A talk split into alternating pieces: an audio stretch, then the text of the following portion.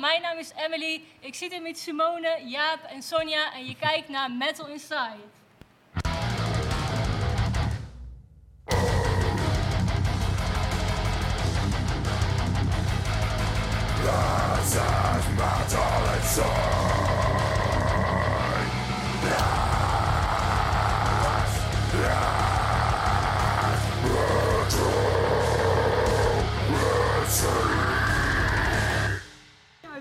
Sorry. Ja. Hallo allemaal, leuk dat jullie kijken. Deze keer geen Paul en Jack in beeld, maar mij, mijn naam is Emily Herweg. Mocht je mij niet kennen, ik zit samen met Simone in death metal band Sisters of Suffocation. Je zou me kunnen kennen van mijn YouTube kanaal. En sinds nu werk ik dus eh, bij Metal Inside. Ik zit hier vandaag met Simone als co-host. Dit zal elke week een andere host zijn. Simone, kun jij je kort even voorstellen voor de mensen die jou niet kennen? Nou, ik ben Simone en zoals Emily al zei, ik speel in Sisters of Suffocation. Verder geef ik gitaarles en schrijf ik muziek.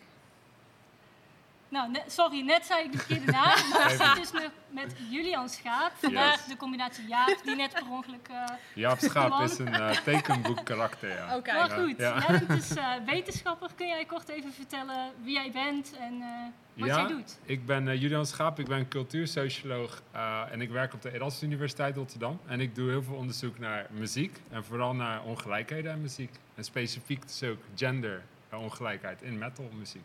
Ja, superleuk. Ik ben super benieuwd naar wat jij eh, te vertellen hebt aan ons. Maar daar, ja, daar gaan we het zo meteen meer over hebben. En Sonja, kun jij ook jezelf even kort voorstellen aan de mensen thuis? Yes, eh, ik ben eh, Sonja Nubis, een gitarist uit hier in Nederland. En ik speel in death metal band Crypta en heavy metal band Cobra Spell. Daarnaast maak ik veel muziekgerelateerde video's en content. Alles wat met muziek te maken heeft, ben ik fan van. Ja, echt superleuk. Leuk dat jullie er zijn. Ik heb er echt super veel zin in. Zeker. Voor de mensen die het nog niet helemaal mee hebben gekregen, het onderwerp van vandaag is vrouwen in metal. Ehm, dus we hebben hier genoeg vrouwen met ervaring, maar ook iemand die er onderzoek naar heeft gedaan. Um, Julian, zou jij kort willen vertellen waar jij onderzoek naar hebt gedaan en waarom je dat bent gaan doen, waarom dat onderwerp jou heeft getrokken? Ja, natuurlijk. Ja, dus eh, inderdaad, ik heb met een collega dit boek, kleine boekje geschreven, Gender Inequality in Metal Music Production.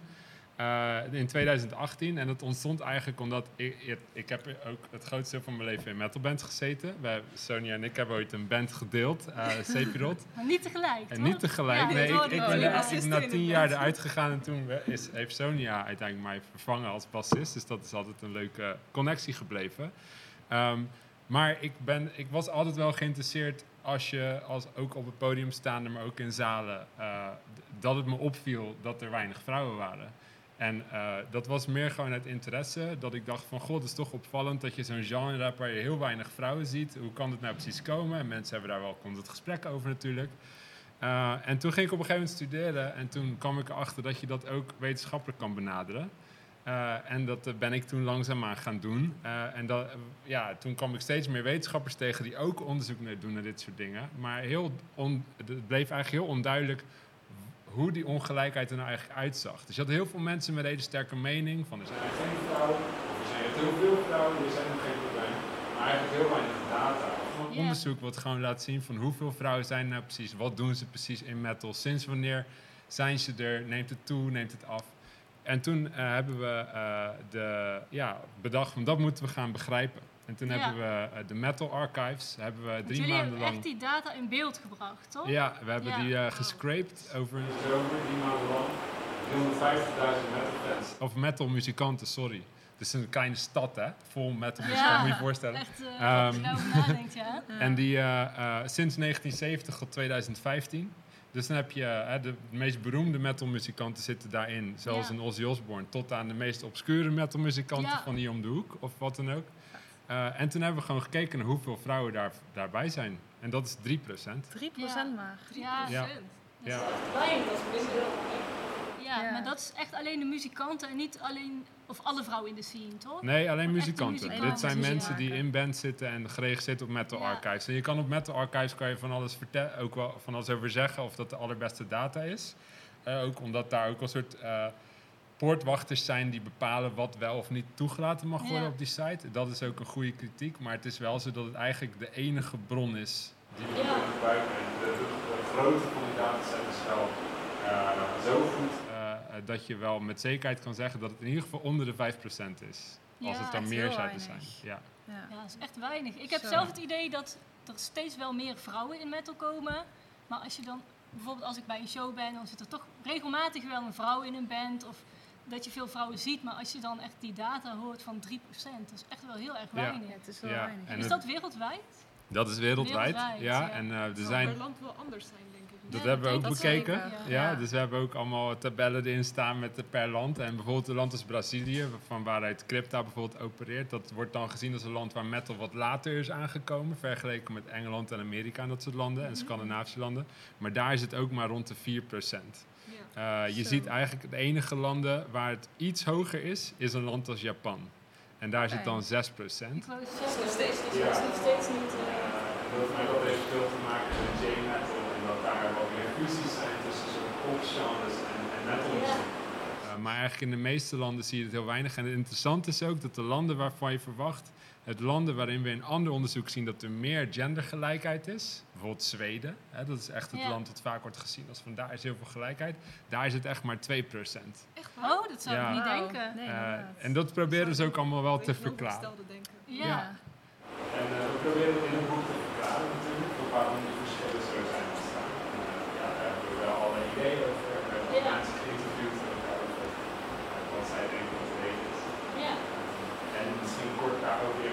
Kleine stijging van 2 tot ongeveer 4% van 2015.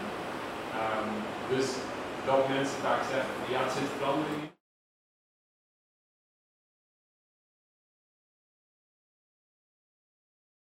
Wat natuurlijk nog niet meer in dat boek zit, is de rol van social media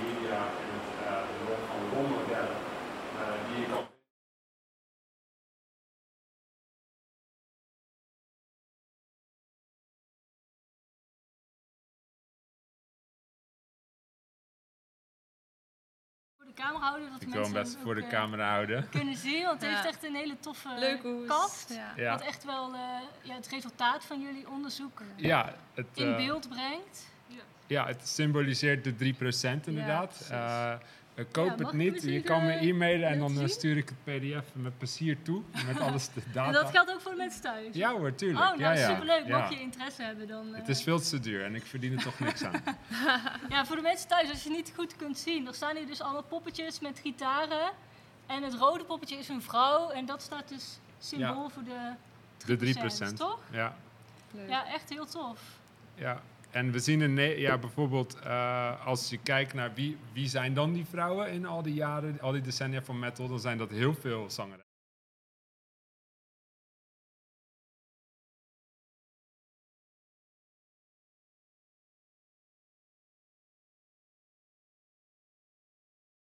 Is, maar het wordt wel vaak gebruikt. Dan denk je inderdaad meteen aan een soort gothic metalband met Ja. een zangeres, Met inderdaad. zangeres. Terwijl er ook superveel eh vrouwen zitten in meer obscure bands en Ja, wel. underground. eh, Ja. Maar ik denk dat het natuurlijk ook minder toegankelijk is voor iedereen om te luisteren. Waardoor ze dat Ja, dan ook dat niet denk kennen ik ook, natuurlijk. ja. Ja. En misschien is het ook wel begonnen met zangeressen. Dat Wie ik weet, Kijk ik jou even aan. Ja, weet precies. eh, Ja, het klopt in, feite wel. Ik bedoel, een van de eerste vrouwen in de dataset is de zangeres van Coven. Eh, en eh, later Girl School als een van de eerste eh, volledig vrouwelijke bands. Ehm, eh, dus die zijn er wel.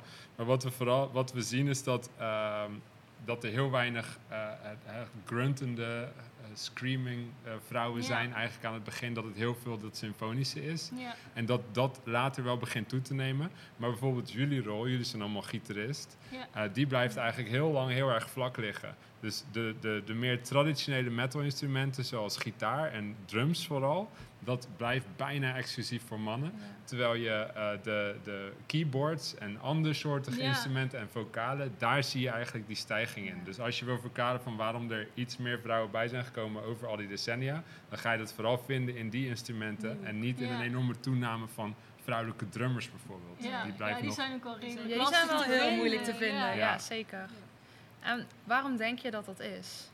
Dat, ja, dat, is Jouw al, conclusie, zeg dat maar. is nou, we, we hebben verschillende, ik zou het kort houden hoor, maar we hebben daar verschillende eh, eh, argumenten voor, verklaringen.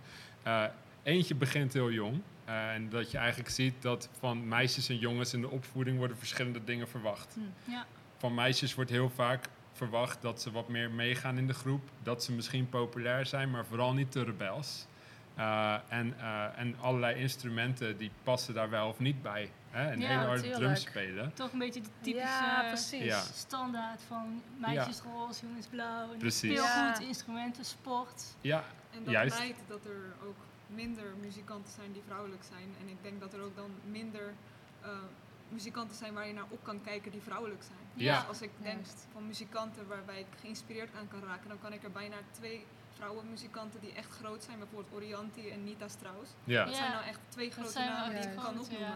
Maar dan zit ik straks te denken van, ja, wat, wat, meer? Ja, ze wel Ja, waarschijnlijk er zijn er, er zijn er Ja. heel veel, maar je moet Veel er echt meer, wel naar op zoek Nou, gaan. zoeken voordat je ze vindt. Ja, Ja. Laten we hier zo meteen over verder Tuurlijk, gaan. We gaan ja. eerst even een Oh. clipje luisteren van een band eh, met een vrouw erin die nu echt super aan het opkomen is. En dat is Ginger met hun Ja. laatste nummer, Wallflower.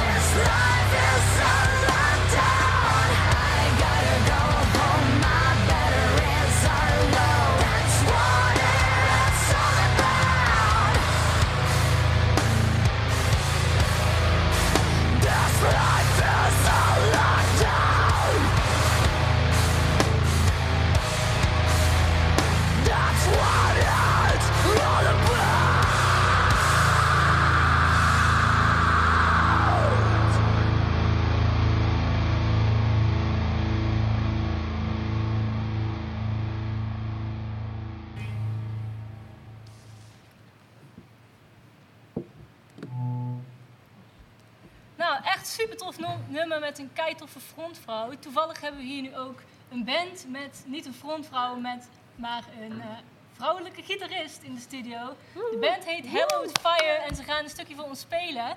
Laten wij daar even op proosten, Ja. want het is allemaal lang geleden. Ja. Klik. Cheers. Proost! Oh jee, waar ben je? Nou, en eh, let's go!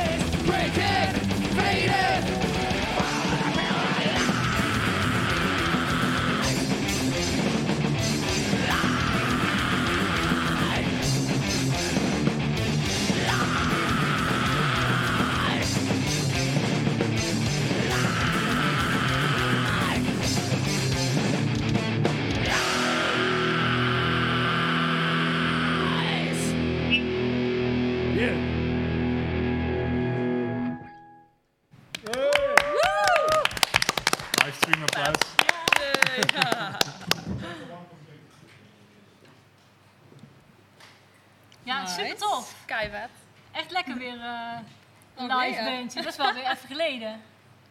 Je scherm Zeker. gaat zo uit. Oh, Oh jee. Oh nee. Want thuis moet je dat met de afstandsbediening doen. Kan iemand dat eh, fixen? Afsluiten Het scherm gaat over 30 seconden afsluiten. Dus even ergens op de afstandsbediening. eh. Is het eigenlijk nog live nu? Bij ons thuis schreeuwen ze dan allemaal afstandsbediening. En dan Afstandsbediening. zoeken we. Ja, ja, ja. Ja, het, het. PowerPoint staat goed, maar het scherm zelf gaat het om. Nou, in ieder geval, wij gaan eh, ondertussen even verder. Sonja, dus dan, dan mogen ze backstage even Fixa. oplossen. Eh, Sonja, jij had het net over rolmodellen. Dat vind ik wel leuk om het daar eventjes over te hebben. Jij zei dat er twee in jou opkwamen. Dat Ja. waren Nita Strauss en... Orianti. en Waar is zij van? Eh, zij heeft met Michael Jackson en met Alice Cooper gespeeld. Eh, nu is ze meer met solo-projecten bezig en zichzelf en haar eigen muziek.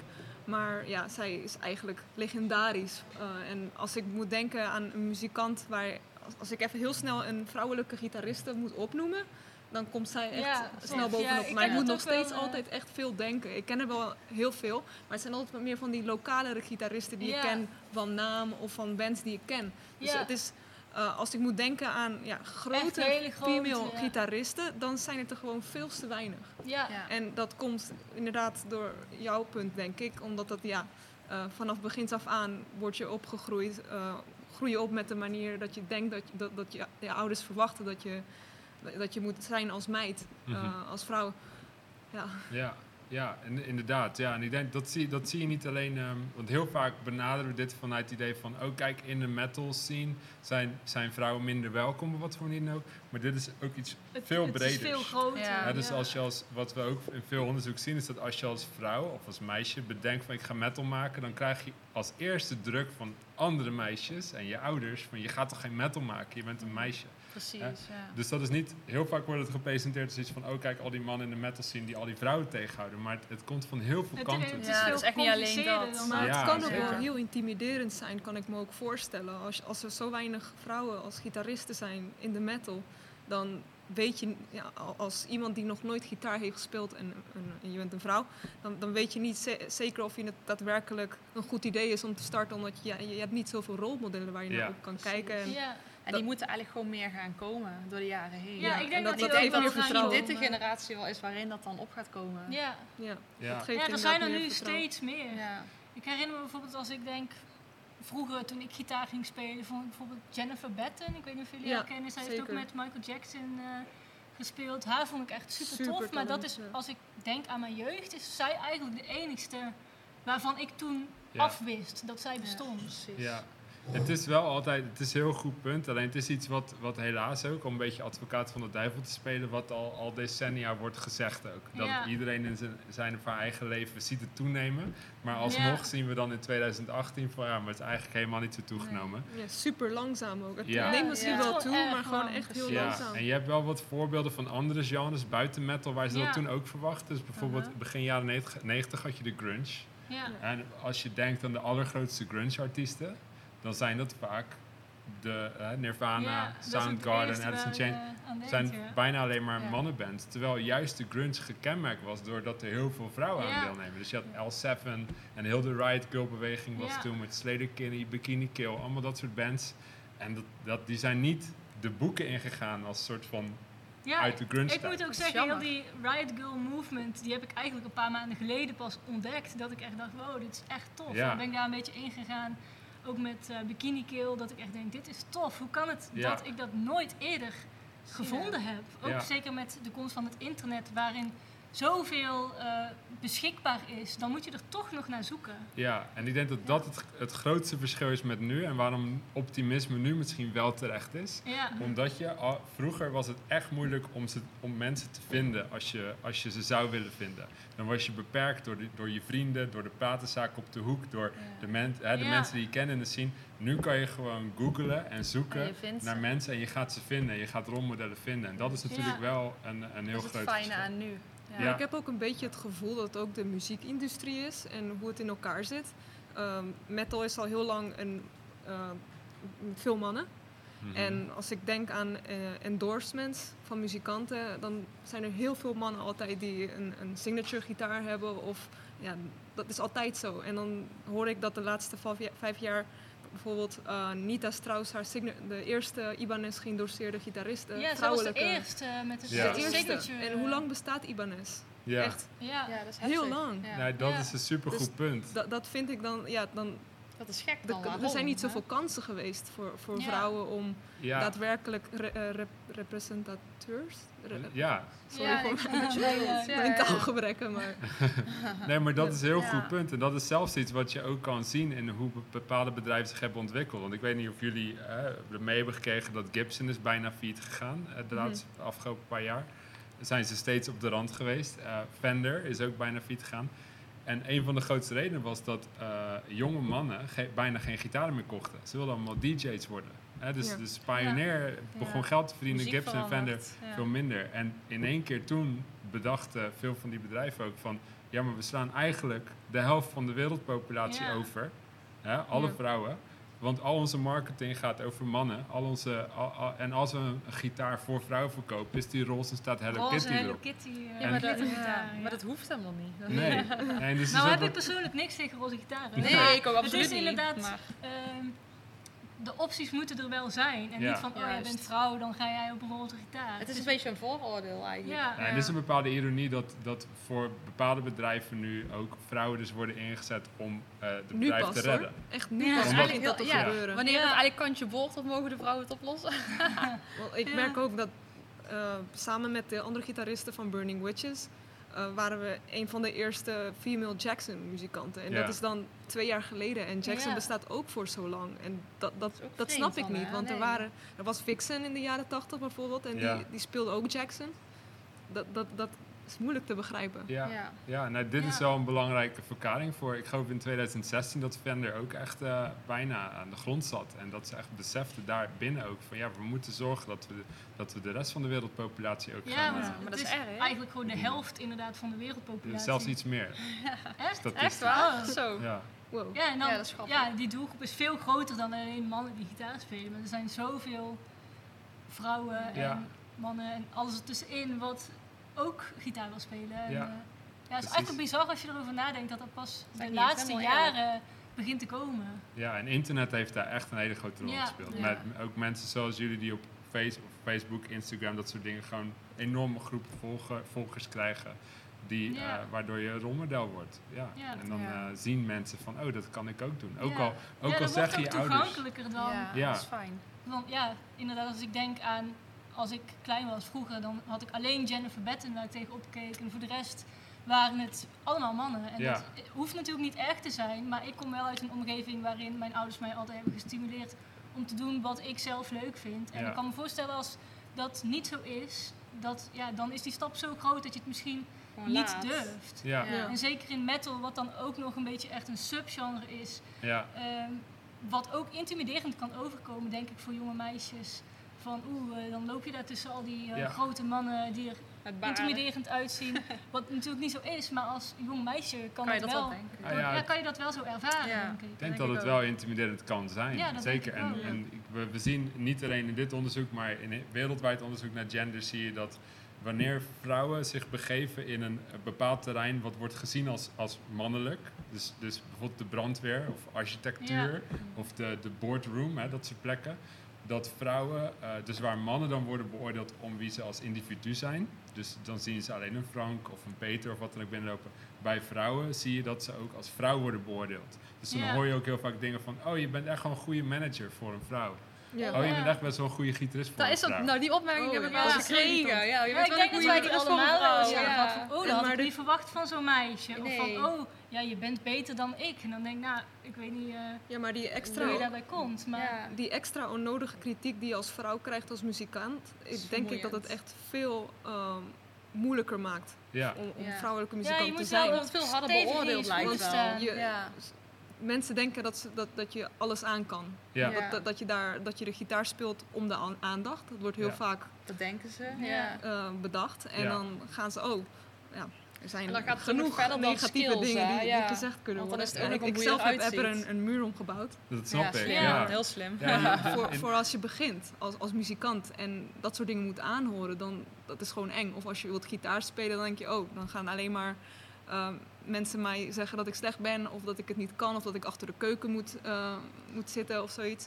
Ja. Ja. Ja, Ja. precies. Nou ja, dat. En je draagt natuurlijk ook op het moment dat je als, als vrouw wordt beoordeeld, en dat heb, heb, zijn we heel veel tegengekomen in onze interviews ook, dan draag je als het ware dat juk met je mee. Dus dan voel je ook van, als ik nu niet goed speel en ik word beoordeeld als Oh, van, oh je bent niet zo goed voor een meisje, voor een vrouw, dat je dan ook gelijk alle andere vrouwen die metal maken met je meeneemt. Van, oh zie je wel, dat hebben heel veel onderzoek gedaan naar wel, eh, ja. autorijden en parkeren. Dat wanneer een vrouw niet goed kan parkeren, dat er dan meteen een druk ook bij komt van, oh ja, maar ze zien een vrouw parkeren.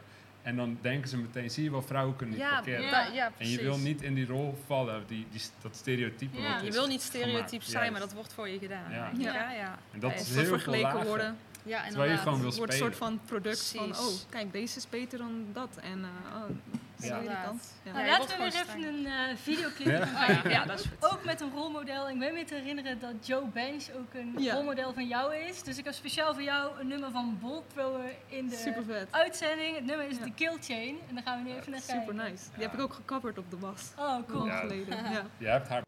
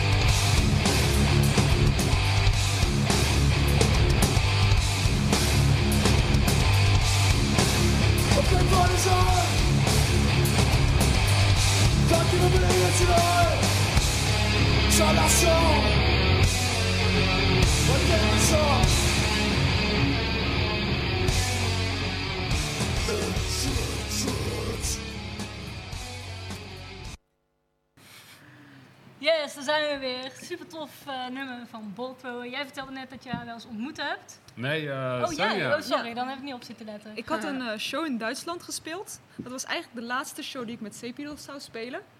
En ehm, ik, ik, ik wist wel dat de zanger van Benediction zou spelen met zijn andere band. Nee, met Benediction zelf eigenlijk. En ehm, nou, die, die kende Joe Bench persoonlijk. En zij was er toevallig in de backstage. En hoe kan dat, dat ze er is? Want ze speelt niet met, met bolt throwers. Ze speelt niet in een band in de line-up. Maar ja, ik, ik, heb het niet ik heb het niet gevraagd of zo. maar ja, het was echt wel heel leuk om haar te ontmoeten. Ehm, ze is echt een legendarische bassiste. En ik denk dat ze ook heel veel ehm, meiden in de death metal heeft geïnspireerd om bas te spelen. Zeker voor mij was het een grote inspiratie.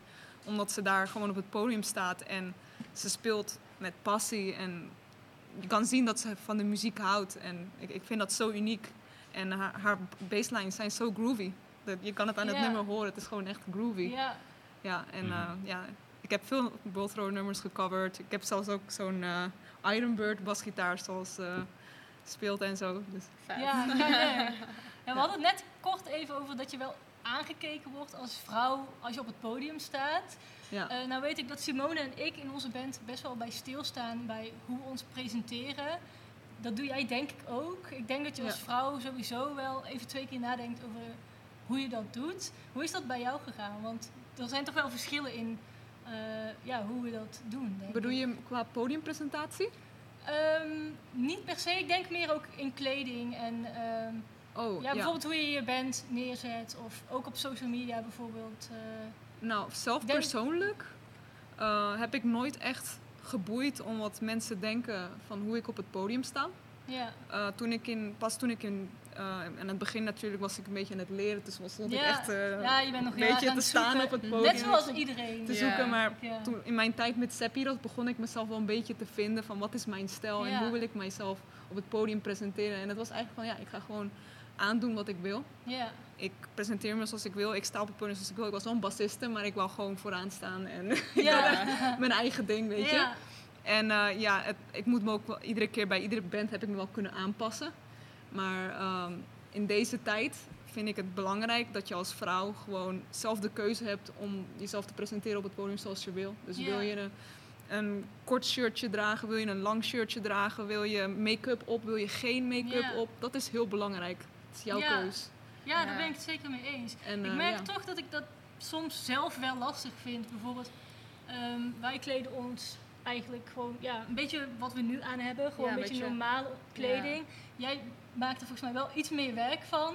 Ja. Ik heb wel het idee van, wij worden wel aangekeken op het feit dat wij vrouw zijn. En ik vraag me dan af, ehm, jij hebt bijvoorbeeld ook wel eens iets blotere kleding aan. Heb je dan niet het idee dat je daar meer op aangekeken wordt? Of heb jij zoiets van, ik doe gewoon lekker mijn ding en... eh, Ik doe mijn ding. Ja. Ik doe ja, dat is gewoon wel mijn knap ding. hoor. Ja. Ik doe het niet om de aandacht, ik doe het puur omdat ik Dat het zelf echt vindt. heel cool vind. En ik Ja. voel me daar heel erg eh, confident bij. Ja, ja, Ja, het kan juist ook heel krachtig zijn. Ja. Ik zelf voel me daar eh, niet prettig in. Maar ik kan me Ja. ook voelen, of, eh, voorstellen dat je juist soort ritueel hebt van je gaat je make-up doen, dat doen wij dan wel. Maar ook je trekt je speciale podiumoutfit Ja. aan die je misschien in het dagelijks leven niet draagt. Maar dat dat echt ook heel krachtig kan zijn. Ik heb wel bepaalde Ja. rituelen. Ja, jij maakt ook eh, altijd ja, ik doe altijd de eh, oren-ogen. Dat doe ik al vanaf de eerste band waar ik in zat.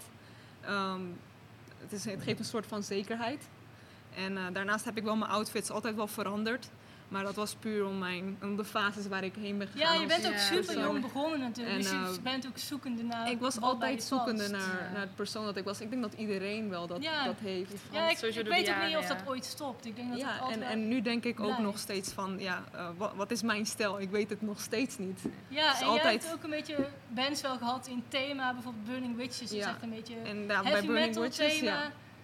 Crypta is death metal en met Cobra Spel heb je echt glam en daar pas je ook Ja. outfits Ja. op aan, toch? Ja, maar op een of andere manier, voor mij is het ook een soort van, ehm, hoe zeg je dat? Ik kan mijzelf in een bepaalde beetje een rol. Een rol, ja. ik weet, het is een artiestending, denk ik. Ja. iedereen Ja. die artiest is, die kan dat begrijpen. Dat Ja. je in, in de soort van vibe van de band, je kan jezelf erin verdiepen. Of. Ik weet niet, het zo moeilijk Nee, om uit te Ja, het maar- leggen. wel. Maar ik kan kan- mijzelf, ja. zeg maar, ik heb wel eens een dag dat ik me ja, gewoon echt alleen maar zwart wil gaan dragen. En dan de Ja. dag daarna sta ik met een ro- roze broek. ja, tussen, ja, dat hebben wij ook. tussen een death metal interview, weet je. Maar Ja. het kan mij niet zoveel schelen zodra ik, alleen maar vind mezelf dat ook ben. leuk. Ja, Ja. precies. Maar dat is ook Ja. het belangrijkste. Dat je eigenlijk gewoon vooral doet wat je zelf wil. Ja. En je aanpast naar wat mensen willen zien. Ja, en Ja. vroeger was Ja. ik wel een beetje van, dacht ik wel heel veel over wat anderen dachten, maar nu Ja. heb ik dat wel veel minder. Ja, ik denk, je wordt er ook mee geconfronteerd als je Eh, in een band stapt. Je bent je daar totaal niet van bewust. Je denkt gewoon, net als ieder ander, van ik ga een band starten, we gaan repeteren, we stappen op het podium. En dan boem, als vrouw ineens is het van... Je wordt, je wordt zo erg geconfronteerd met, Met dingen alles. waarvan je niet wist Dat het een dat ding ze was. bestonden, dat, ze, dat het een Ja. ding was. Ja, bij mij stond het na het concert dat ik dit, deze realisering heb, maar tijdens het concert heb ik altijd het gevoel, nu stopt het.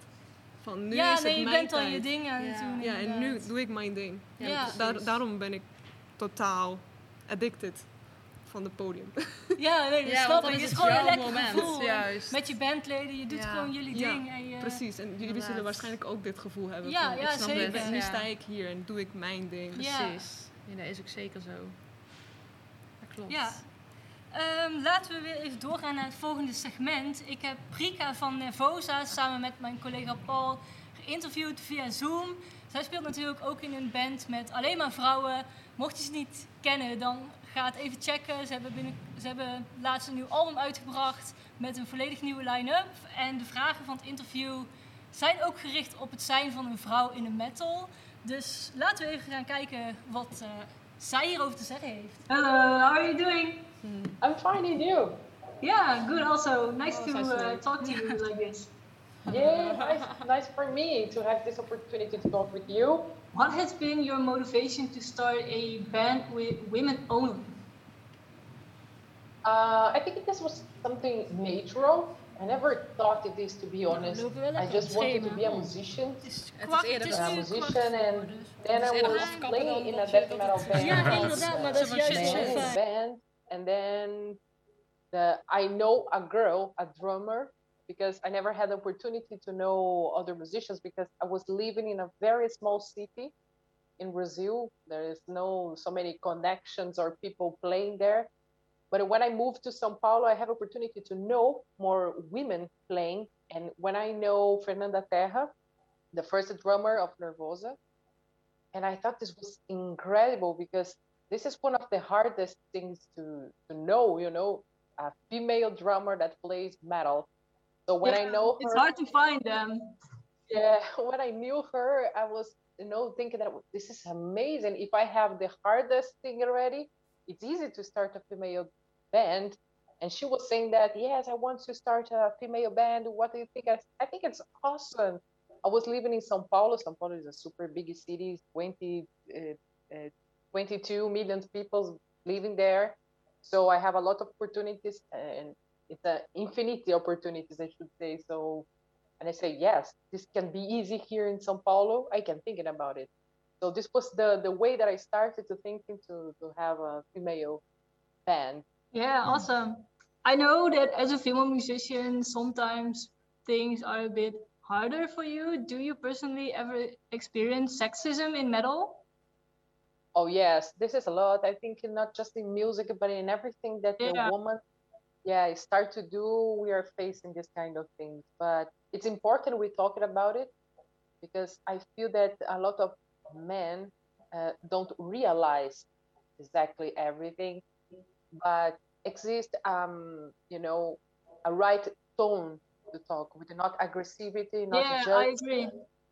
yeah not judging the men because it's a, a very important conversation for they realize what is happening. It's not a bullshit. It's not like you know a, period female bullshit you know this is completely bullshit.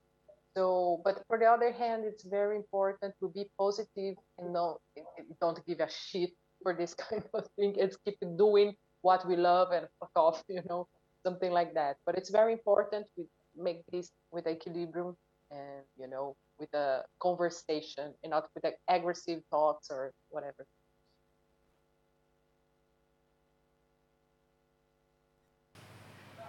Yes, we gaan weer even lekker luisteren naar de live band in de studio.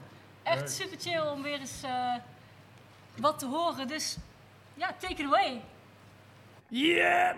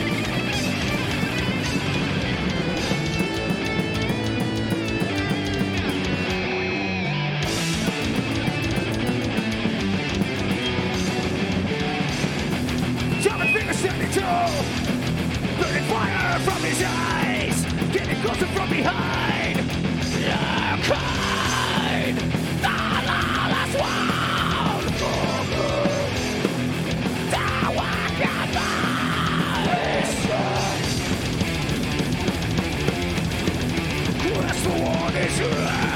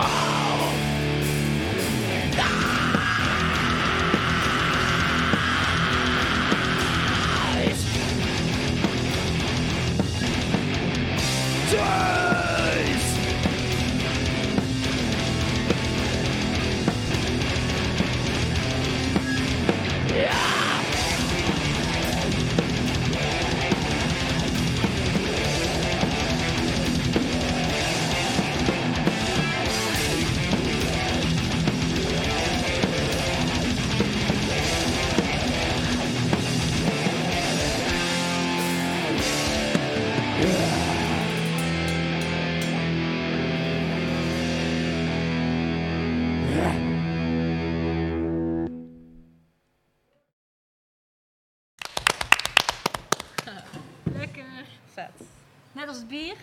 Ja. We hebben dit bier. Dit is eh langharig tuig van Van Mol. Speciaal eh, in samenwerking. Dus superleuk. Ik wil ook even dit moment meteen pakken om alle vrijwilligers en Dynamo te bedanken om dit mogelijk te maken. En eh, ook een shout-out naar Morsync Music, die de intro-track van ons introvideootje gemaakt heeft. Ja, ik zag dat jij hier nog toevallig een vraag had staan. Eh, mag jij jezelf zijn in metal? Hebben jullie dat gevoel dat jullie echt helemaal jullie zelf kunnen zijn? Ehm, nou, wel. momenteel eigenlijk wel. Dus ik denk het wel. Ja, is dat altijd zo geweest voor jou? Eh, aan het begin niet. Eh, het hangt ervan af in de band waar ik in zit. In sommige bands hebben ze natuurlijk wel wat concepten en zo, Ja. merkte ik. En dan moest ik me wel aanpassen aan het concept. Maar ehm, ik voel nu wel dat ik in een positie ben waar ik wel heel erg mezelf kan zijn. Dus en Ja. anders probeer ik het wel te doen. En dan blijven de mensen die, die het accepteren. En de mensen die dat niet oké vinden hoe ik ben, die kunnen dan maar weggaan. ja, ja helemaal Ja, mee nee, dat is ook zo. Het is eigenlijk natuurlijke selectie, een soort van. Ja, inderdaad. Ja. En hoe zie jij dat, Simone? Ja, ik vind het altijd een beetje dubbel. Ik vind dat ik zelf wel mezelf kan zijn in metal, maar het lijkt altijd toch wel, voor mijn gevoel, dat het toch nooit goed is. Snap je wat ik bedoel? Maar wat, wat is niet goed dan? Denk, je Nou, ik denk wel eens van, bijvoorbeeld, ze oordelen toch altijd wel wat je ook kiest te doen. Dus Ja, als je dat als is wel kiest in een band te gaan en wat het dan ook is, je hebt Ja. toch altijd een groep mensen die het niet leuk vinden. En op een gegeven moment kom je keer op dat punt dat je er dan gewoon niks meer om geeft. Wat jij zelf Ja. zegt, Ja. je komt op een punt, het maakt niet meer uit, want het is toch nooit Precies. goed genoeg voor sommigen. Ja, dat is eigenlijk Ja. met alles natuurlijk. Dat is met in het alles. In met, daarom. Maar ja, ik denk Ja, er zal altijd inderdaad Ja. mensen zijn die het niet eens zijn met een keuze. Ja. Maar ja, wat, je kan niet altijd iedereen pleasen. Nee, daarom, Snap je? precies En dat. daar En gaat ik het ook niet om. denk je dat moet ook gewoon inderdaad doen iets is wat je moet zelf leren. wil. Ja. Ja, dat. Als je zelf blij bent met wat je doet, is dat eigenlijk het allerbelangrijkst. Ja, Toch? ja, Ja. en ik heb zelf... Vroeger stond ik daar niet zo heel erg bij stil. Dus misschien ook omdat je ouder wordt. Maar ik heb wel sinds, het, sinds dat ik in een band zit en op het podium sta... dat ik daar wel echt mee geconfronteerd ben. Van dat mensen echt altijd wel iets te zeggen hebben. Dus dat je dan maar beter kan doen wat je zelf wil. Daarom, want al doe je wat anderen willen, heb je weer een andere groep die ja, zegt, dan is er nou, weer iemand die ja, het daar niet mee eens is. Precies, maar ik vind het toch wel interessant, want tegelijkertijd is metal toch wel weer zo'n genre waarin je zegt, je mag doen wat je wil. Ja, Dus het is altijd een beetje dwars. Het is dubbel, ja. Beetje ja dubbel, het is Ja. inderdaad dubbel. Een wereld waar eh, eigenlijk alles heel vrij zou moeten zijn. Ja. Maar er zijn heel veel stereotypes en manieren waar je, op- waarop hoe je metal moet zijn. Toch moet Ja. zijn, ja, en precies. ja, ik, ik denk dat het langzaam nu wel eigenlijk een beetje verdwijnt, naar mijn Mhm. mening. Of misschien is het inderdaad omdat je des te Omdat je meer... zelf Omdat je Ja. zelf misschien ik- ouder wordt. Ja, en misschien Ja. is dat ook wel een beetje anders mijn ervaring. Ja, Ja. inderdaad. Ja, dat denk ja ik dat is ook. wel mijn ervaring. Ja. Ik heb ook wel, toen ik metal ontdekte, dan wilde ik echt heel graag daarbij horen. En ik Ja. liep met een battlejack en dat vond ik toen heel tof. Maar als ik nu terugdenk, misschien ben ik het ook ontgroeid hoor. Maar nu denk ik zoiets van ja, dat is niet hoe ik ben. Ik ben een combinatie van Ja, ik snap het. en Unicorns vrouwelijk. metal. Ja, inderdaad. Ja, precies. En ik heb soms wel het idee dat dat niet helemaal geaccepteerd wordt Nee, of dat zo. is niet En- true, weet je wel. Krijg je dat. Ja, maar het gaat en- alleen maar om de passie voor de muziek. Ja, ja, Dat dat is zou het alles wat eigenlijk. Dus nodig is jij om- inderdaad in een roze outfit en je bent gewoon helemaal, helemaal fan, dan is het eigenlijk ook goed. Ja, Vind ik. Maar, Ja, dat vind eh, ik ja, ook. Het zit van binnen. Precies iets, er was, er was een, in de eh, 2010, 11 was een onderzoek in Engeland. Sonia Fazan heette zij, Oh. naamgenoot. eh, Hey. En zij deed onderzoek ook naar dit, dit eh, ja, probleem als het ware. En zij eh, probeerde dat te begrijpen door eh, so- sociale uitwisselingstheorie. Dat wil zeggen dat je eigenlijk eh, altijd een soort van kosten-batenanalyse maakt van, van eh, wat je krijgt en wat je moet opgeven. En daar zag ze dat eh, wanneer in ieder geval in die tijd, dus tien jaar geleden, eh, vrouwen in de metal scene gingen, dat ze om dezelfde reden als de meeste mannen de metal scene ingingen. Hè? Dus eh, niet alleen als muzikant, maar ook als fan. Ja. Hè, van, ik, ik pas niet in de mainstream maatschappij. Ik wil me niet kleden zoals mijn ouders dat willen. Ik hou van harde muziek. Er worden bepaalde cultu- culturele dingen gedeeld. Bijvoorbeeld wat meer anti-religieus sentiment. Ja. Bepaalde gevoelens van de, eh, eh, eh, tegen het systeem zijn en zo. Die zijn voor mannen en vrouwen gelijk. Alleen dan zag je dat voor, voor veel vrouwen en vooral jonge vrouwen. Dat die dan, als ze in de metal kwamen, zich niet meteen thuis voelden. Omdat zij dan in één keer merkten van wacht, ik ga de metal in. Omdat ik me niet als een soort van meisje-meisje wil gedragen in de, in de mainstream maatschappij. Maar nu in de metal, waar ik vrij zou moeten zijn, wordt het nu van me verwacht dat ik dat ik me ook op een bepaalde manier kleed. Ja. terwijl Ja, dat voor ja. jongens veel minder zo is. Je draagt een Ja. metal shirt en je hoort erbij. Ja. En je voelt het ook het sterkst zelfs nu nog als je naar een metalconcert zou gaan. Dat als man, als je bijvoorbeeld met een overhemd binnenkomt, word je veel minder aangekeken dan wanneer je als vrouw in zeg maar niet metal kleding Ja. naar binnen Ja, komt. En dan wordt er veel meer naar je gekeken Ja, dan wordt er meteen een beetje van wiens vriendin ben jij of ja. wat Dat doe Net of je moet bewijzen Ja. of zo. Ja, En Ja, dat, dat is heel dat speelt altijd een rol. Dat je dus altijd dat moet soort van inwisselen en altijd toch weer die groepscategorie hebt waar je op wordt Ja. beoordeeld. Ja. En dat is zelfs met dat bekend worden bijvoorbeeld, dat je, dat je nu weer vaak ziet dat nu steeds meer vrouwelijke muzikanten in de kijker staan en dat er aandacht voor is. Dat vaak een van de eerste dingen die je hoort is, ja maar dat is omdat ze vrouw zijn. Ja, dat is toch achterlijk. En dat is eigenlijk natuurlijk, eh, nou deels vinden we daar, eh, we vinden bewijs voor dat idee in het boek of in het onderzoek. Dus we zien bijvoorbeeld dat vrouwen en mannen, ondanks dat er maar 3% vrouwen zijn in metal, worden vrouwen en mannen net zo vaak getekend bij een label. Dus dat is Ja. eigenlijk heel gek.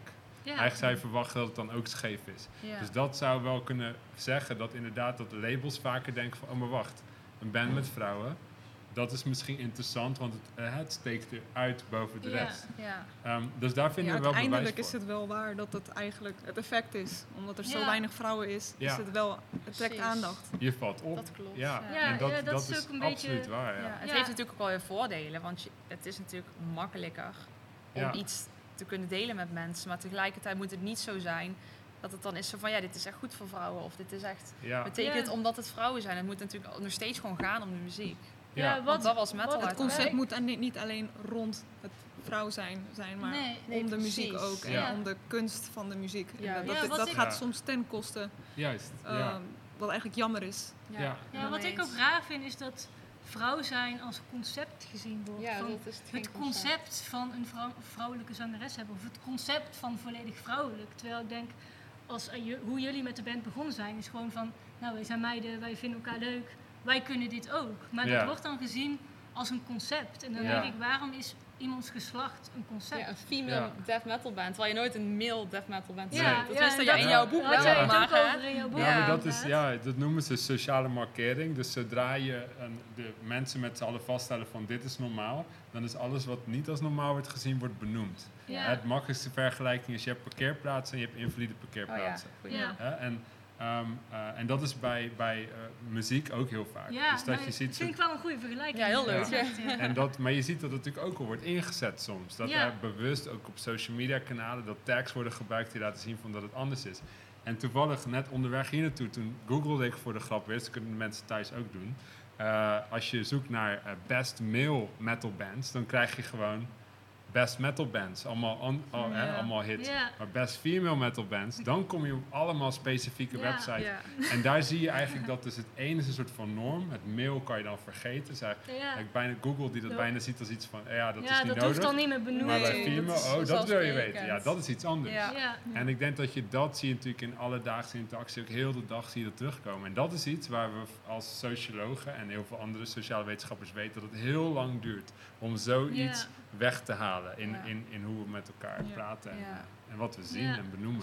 Het is dus- uiteindelijk nog steeds iets unieks en speciaals dat er een vrouw in, in een metalband zit. En het zal altijd nog steeds gebruikt worden, ook al zelfs Ja. door vrouwen Ja. wordt Ja. het gebruikt. Totdat het weet- 50-50 wordt. Ja, precies. En ik weet dat Floor Jansen op een gegeven moment had gesuggereerd van als we female fronted, kunnen we dat niet gewoon male-backed noemen.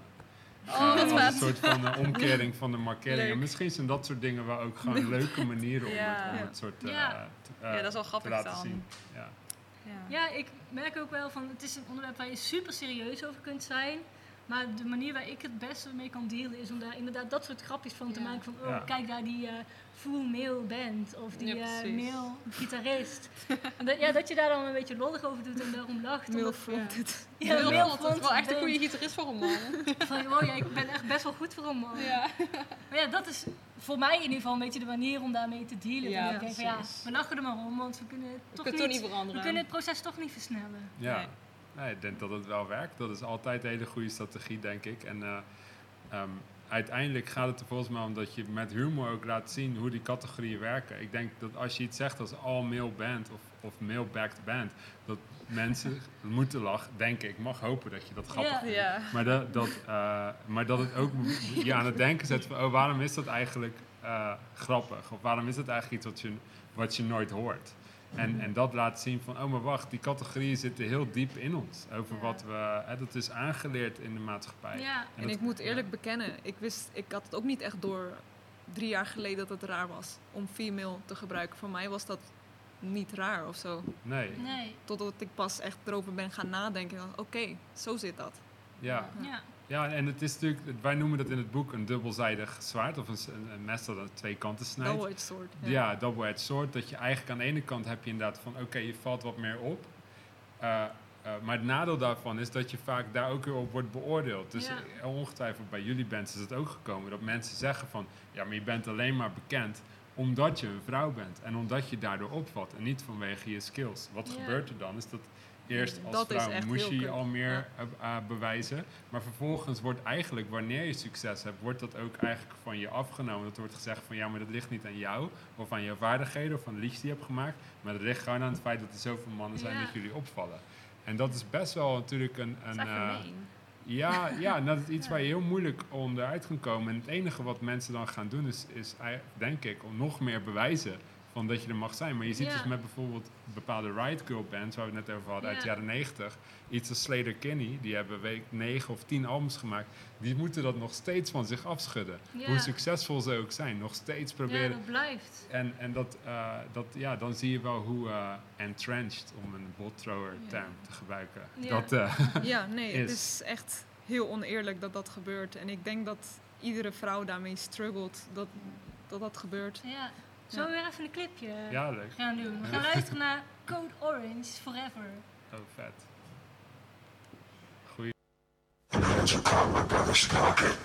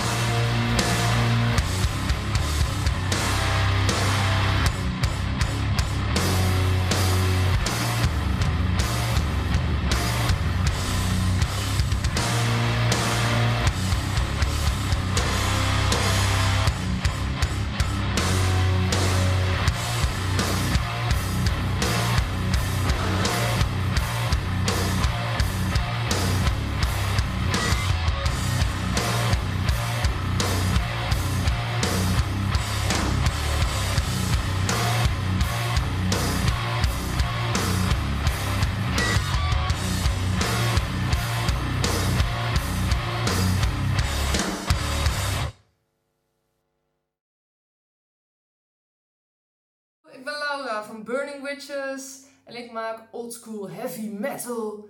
En eh, ik ben een zangeres. Emily vroeg mij om de ultieme muzikantentip. Nou, wat ik met jullie wil delen als ultieme muzikantentip... is dat het gewoon altijd heel erg belangrijk is als muzikant... of misschien als muzikale groep... ja, om gewoon heel duidelijk te zijn in wat je eigenlijk doet... En ja, je hoeft natuurlijk niet per se helemaal in een hokje te passen of zo. Doe alsjeblieft wat je zelf vet vindt. Maar laat het duidelijk zijn. Doe gewoon wat je zelf super vet vindt. En ja, mensen gaan natuurlijk zien van hé, hey, die, die doen dat, weet je wel. En dat is gewoon belangrijk. Dus je kan ook als individu uitspringen. Eigenlijk is dat de manier waarop ik bij Burning Witches ben gekomen. Ze hadden namelijk eerst een andere zangeres, die is ermee gestopt. Hadden ze iemand anders nodig. En dan dacht ik zo van, ja, wat nu? Want ze wilde iemand die, ja, qua stijl natuurlijk, qua, eh, qua zangstijl bij de band paste. Ja, het liefst ook een beetje qua uiterlijk, weet je wel. Want het is natuurlijk oldschool heavy metal. Dus je wil dat iemand ook erbij past qua hoe je eruit ziet. Nou, ze wilde eigenlijk dat al die vinkjes konden afgestreept worden. En ja, op zich, nou, ik kon zingen. Ik maakte eigenlijk al zelf mijn kostuums een beetje. Zelfs in de oldschool heavy metal stijl. En dat is eigenlijk precies wat zij deden en wat zij zochten. En toevallig kende iemand mij ook van dat ik dat allemaal deed en dat ik dat vet vond. En dat was Sonja die toen nog in die band zat. Die dacht, hey, jullie moeten haar even aankijken. Want volgens mij zou zij heel goed passen. Nou, dus als jij jezelf al neerzet als een bepaald iets van, ja, wat jij gewoon vet vindt, nou ja, dan kom je eigenlijk alleen maar goed terecht, zeg maar. Dit geldt natuurlijk dus inderdaad, stel je wil echt ergens netwerken of ook aan het eind van, of vooraf aan een gig of achteraf. Het is toch altijd belangrijk om een beetje jezelf voor te stellen met wat je doet. Anders dan denken mensen, die roadie, die had koffie, is misschien iemands vriendin. Hè? Een beetje het standaard ding als je vrouw bent in de metal. Of eh, nog erger, hè? eh, is een muzikantentoerist. Nou, dat moet je natuurlijk niet hebben. Dus hè, stel gewoon duidelijk voor, wat doe je? Nou, old school eh, heavy metal vocalist. Klaar, weet je wel. Uh, dus dat is mijn ultieme muzikantentip. Ook om er als act uit te springen. En als individu als je nog ja, een beetje aan het kijken bent wat je gaat doen. Als je nog niet in een band zit. Doe het gewoon lekker wat je wil. Laat het duidelijk wezen. Heb lol. En uh, de hele wereld mag het weten. Oké, okay, nou. Stay metal! En uh, veel succes.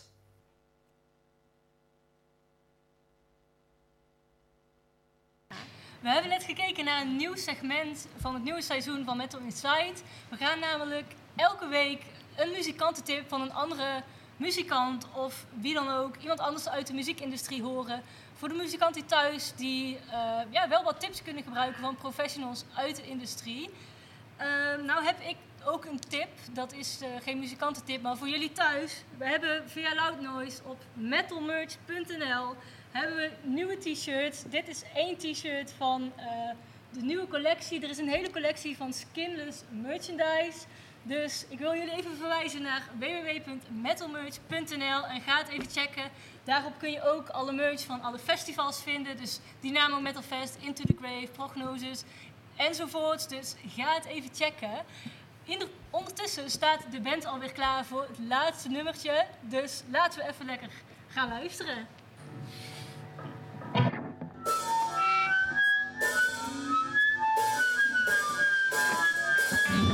Yeah! Metal Inside! Tof dat jullie allemaal kijken. Wij zijn Hell on Fire! En dit is Fearless.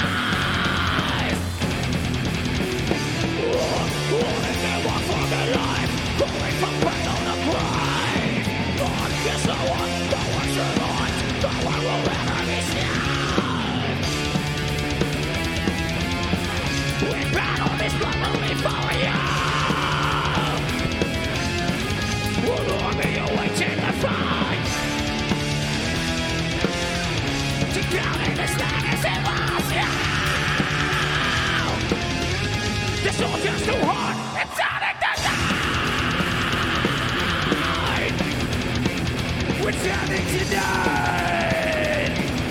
Iedereen thuis! Locking all the shadows! Tell us we want to die!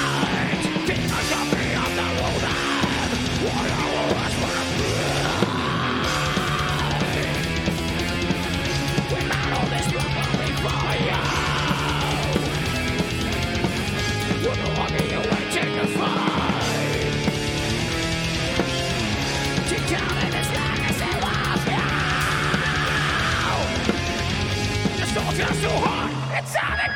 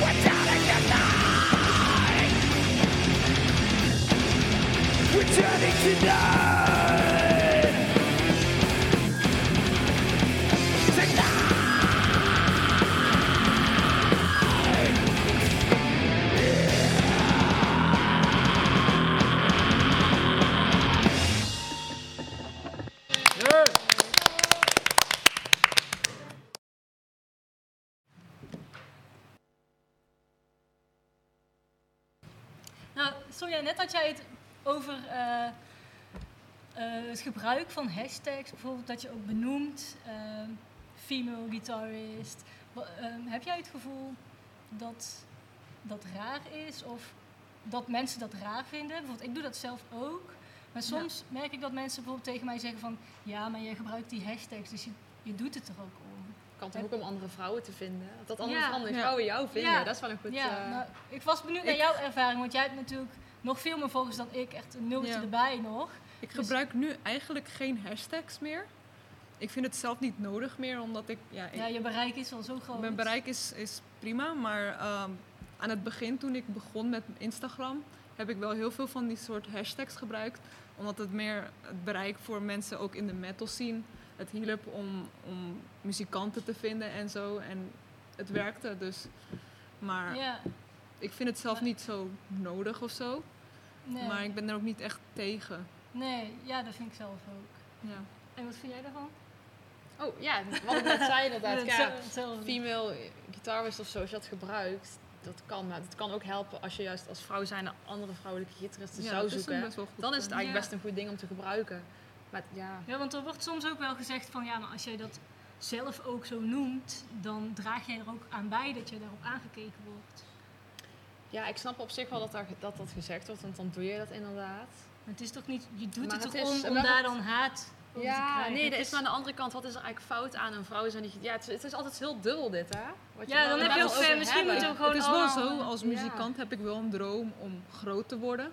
En het helpt met mijn bereik om die hashtag om te gebruiken. gebruiken. Ja. En daar ben ik eigenlijk, ja, het is wel zo. Het is de waarheid, toch? Dus Ja. daarom. Maar ja, aan het begin deed ik het wel, omdat ja, als female muzikant ben je gewoon echt heel erg uniek. En als je dat Ja. gebruikt, dan kunnen mensen je vinden. Dat is Want Ja, hey, ik gebruik het ik, zelf ook. Inderdaad, dan kijk ik daar wel eens op om zelf Ja. ook andere vrouwen Precies. te En, kunnen eh, vinden. Nu niet meer, omdat ik denk, ja, het is Je bereik is al zo super Het hoeft niet, het is maar meer nodig. voor Precies. beginnende vrouwelijke muzikanten denk ik wel dat het een manier is. Ook al denk ik niet dat het meer zo functioneel is. Nee. Maar Maar ja, het is inderdaad wel een Ja. ook om elkaar te vinden, om een groep te vormen. Ja, of we moeten Ja. nu ook eh mailbacked, hashtag mailbacked. Dat is wel een leuke nieuwe hashtag om te ik, beginnen. ik moet eerlijk zijn, ik gebruik nooit Instagram om hashtag female gitarist te, te typen. Ik denk dat bijna niemand dat eigenlijk doet. Ik doe altijd, ik, doe, ik gebruik hem trouwens ook niet. Ik doe inderdaad ook gewoon Ik, ik zoek het niet op. Ja. In ieder geval. ja, ik af en toe dus wel, omdat ik dan Ja. echt op zoek ga naar vrouwen andere vrouwen, ook ja. Ja, Het is Ja. ook wel leuk om erop te kijken. Ja, ja. nou was ik eigenlijk nog wel benieuwd, ehm, of vooral jij, maar van jou weet ik het misschien, maar misschien ook leuk om te delen met de kijkers. Heb je ook bijzondere of gekke ervaringen als vrouw in de scene? Wat echt positief of negatief Ik heb een hele negatieve meegemaakt. En dat was toen met de show met Sepirov. Ik denk dat het mijn tweede show was met ze. En eh, toen, had ik, toen zat ik eigenlijk bij de soundcheck op het podium met de basgitaar. En eh, toen kwam er nou, iemand die gewoon een biertje zat te drinken eh, hier bij, op de zaal. En die kwam naar mij toe en zei, hey, waarom hou je die basgitaar vast? Oh, hè? Die, let- die vroeg dat letterlijk. Zo, want die moet je even vasthouden voor je vriend. Want Ja, want- nee, letter, ja, die zei van, oh, komt je vriendje zo spelen of zo. Die Oh. zei zo- zo'n opmerking. Ik kan me niet precies herinneren hoe, hoe hij dat precies zei, maar hij Ja. heeft wel zo iets, iets in die, Zo in die soort gezegd.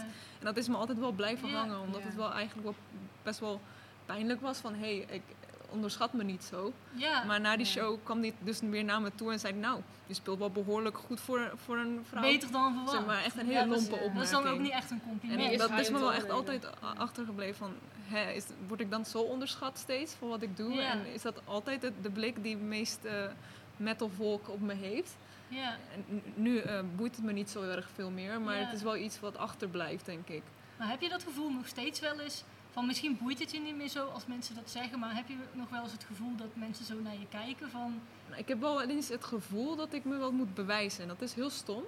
Maar Ja, ik heb ik altijd wel het gevoel dat dat ik op het podium moet staan en dan wel echt moet iets deliveren.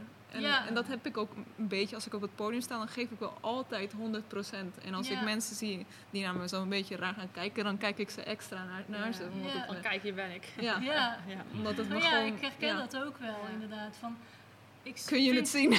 Ja, ik, ja, nou ik vind zelf, vrouw zijn in metal is natuurlijk een beetje een blessing en een curse tegelijk. Want aan de ene kant val je op, dus mensen komen naar jou kijken. Maar aan de andere Ja. kant, zodra je op het podium staat, moet jij bewijzen dat je het ook wel waard bent om daar te Ja, staan. en als je een foutje maakt, oh, dan staan ze daar. Ja, maar ook- een, een hele slechte review. Oh, ze is een vrouw en ze heeft een foutje een gemaakt foutje op het podium. Ja, inderdaad. Net als Dat met is- parkeren. Ja, Dat is precies dat. ja, dat is hetzelfde precies hetzelfde. Ja, Het is heel pijnlijk, Ja. maar daar moeten we mee leven helaas. moet- ja. Ja. heel Maar gelukkig, of gelukkig, ja, ik denk dat in heel veel dingen in het leven, alles wat vrouwen doen, al hebben we het niet over metal, maar in het algemeen dit een ding is wat speelt. Ja, dat denk ik ook. Gewoon het, zeg maar, het ongelijkheid. En daar wordt ook wel meer over gesproken. Dat is een goed En ding. ik denk dat dat ook wel een beetje, kijk jou ook een beetje aan van een deel van de oplossing is, om het zo maar even te noemen. Van maak het bespreekbaar. En hoe meer erover gesproken wordt, eh, hoe normaler het ook wordt. Ja, ja, en dat probeerden we in het boek ook wel te doen. Want eh, aan het begin, kijk, wij begonnen met het boek uit interesse in metal. Maar eigenlijk wilden we het meteen, ook omdat wij wel gewoon sociologen zijn. En, en Ja. ik kan beloven dat je niet kan leven van onderzoek naar metal doen. Ja, Eh, ja nee, dat, dat geloof meteen. dat we- Dit is, voor, ja, precies. Dit is vooral ook iets wat we gewoon in de avonturen voor onze eigen interesse deden. Maar ehm, dat we proberen ook de vergelijking te maken met bredere genderongelijkheden. En dat wat je in de metal scene ziet, is dat je in een hele masculine cultuur zit, waar heel weinig vrouwen zijn. Nou, je hebt heel veel vergelijkbare plekken waar dat ook zo is. Ja. Bijvoorbeeld wat ik al zei, in de boardroom of bij een brandweer. Of bij Ja. hè, allerlei plekken waar dat, een, waar dat meer de norm is, een onbesproken norm. En eh, door naar metal te kijken kan je ook wel iets meer begrijpen wat er bijvoorbeeld in een boardroom gebeurt. Want Ja. daar worden vrouwen die hoog in de, in de boom klimmen ook eh, iedere keer weer aangekeken Ja. als van... Maar ja, jij bent een vrouw, je hebt niet echt verstand van leiderschap of management. Of jij zit hier alleen maar omdat we een quote moeten halen. Ja. Ja, dat idee. Maar ik moet ik. wel Dus- eerlijk zijn, dit soort negatieve dingen zijn wel meer overkomen op het internet dan dat Ja. ze gebeuren als letterlijk face-to-face. Ja. Ik heb Ja, wel heel veel klopt, goede ervaringen. ja. Dat als ik een, li- Ja. een show speel, dat mensen naar me toe komen wel iets positiefs te zeggen hebben. Ja. Ja. Maar het meeste negatieve gebeurt altijd achter de schermen. Ik denk Ja. dat daar de Op- meest op- ja, mensen die zich verschuilen ja. achter de Omdat mensen het durven te zeggen. internet. En daarom valt het nu ook zoveel op, denk ik. Ja. Sinds Hoewel dat internet wel, zeker, dit is wel interessant, want het is een beetje dubbel. Want aan de ene kant heb ik ook veel gehoord, ook in de interviews die we hebben gedaan en zo, dat juist internet ook de soort van springplank is om, om Ja. juist wel de aandacht te krijgen. Om bijvoorbeeld, wat wij heel vaak hoorden op een gegeven moment, is dat mensen, of vrouwen, wanneer ze in metal gingen, heel veel moeite hadden om bijvoorbeeld een band te vinden. eh, omdat ze, zodra ze bij een oefenruimte aanklopten of op een advertentie reageerden vroeger bij de muziekwinkel van hé, hey, ik wil wel gitarist worden in jullie band, dan, kwam, dan klopte je aan en dan was het oh wacht, maar jij bent een vrouw, je wil gitarist worden bij ons. Mm, Sorry. Ja, daar gaat het niet om. En, en, me- en dan met internet, dat het een soort van eh, omzeiling is van dat soort dingen. Ja. Je maakt je Instagram, je YouTube-account, je laat zien wat je kan en je bent undeniable. Je hebt duizenden volgers op een Ja. gegeven moment. En zo van, ja, je kan van alles over me zeggen, maar je bent wel gewoon een hele goede gitarist. Ja. Of, of wat dan ook. En, eh, maar aan de andere kant, je vangt ook al die commentaren die normaal misschien onbesproken blijven, of die normaal misschien dat niet worden, eh, ja, die, die waar mensen niet durven zeggen. Ja, Of hopelijk gewoon niet denken ook. Ja. Hè? Dat is natuurlijk wat je, het, wat je het meest hoopt. Maar het is een ook daar weer een soort van dubbelzijdig Ja. zwaard, dat internet. Maar ik denk wel dat als je, waar we het eenmaal aan het begin over hadden, van als je een stijging van het aantal vrouwen wil zien, internet speel, is daar nu wel echt, speelt daar een mega grote Ja. rol. Want metal bestaat inmiddels al 50 jaar. Hè? Dus, Ja, en dan kan je elkaar makkelijker vinden. Ja, ja. ja. Wel vreemd. zeker. Zo Ja. vreemd.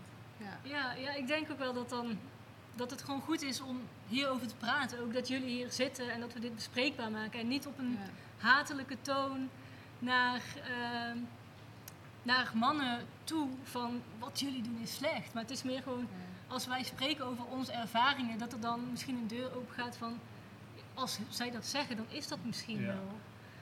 Dus ja, ik eh, wil jullie heel erg bedanken voor dit gesprek en jullie verhalen. En eh, ja, super bedankt dat jullie hier zijn. Ja. En Thanks. eh, ja, hartstikke bedankt. En dan gaan we nu naar de laatste clip om af te sluiten. Ehm, voordat we dat doen, wil ik jullie nog thuis ook even bedanken voor het kijken. Ehm, ik hoop dat jullie dit interessant vonden, dit onderwerp. Wees niet bang, nu ik hier aan tafel zit, dat het altijd dit soort feministische onderwerpen zijn. Volgende week zijn we bij jullie terug, weer op woensdag om 8 uur met Slayer. En eh, dan gaan we door naar de laatste clip, dat is Crypt of Ice van Frozen Soul. Let's go!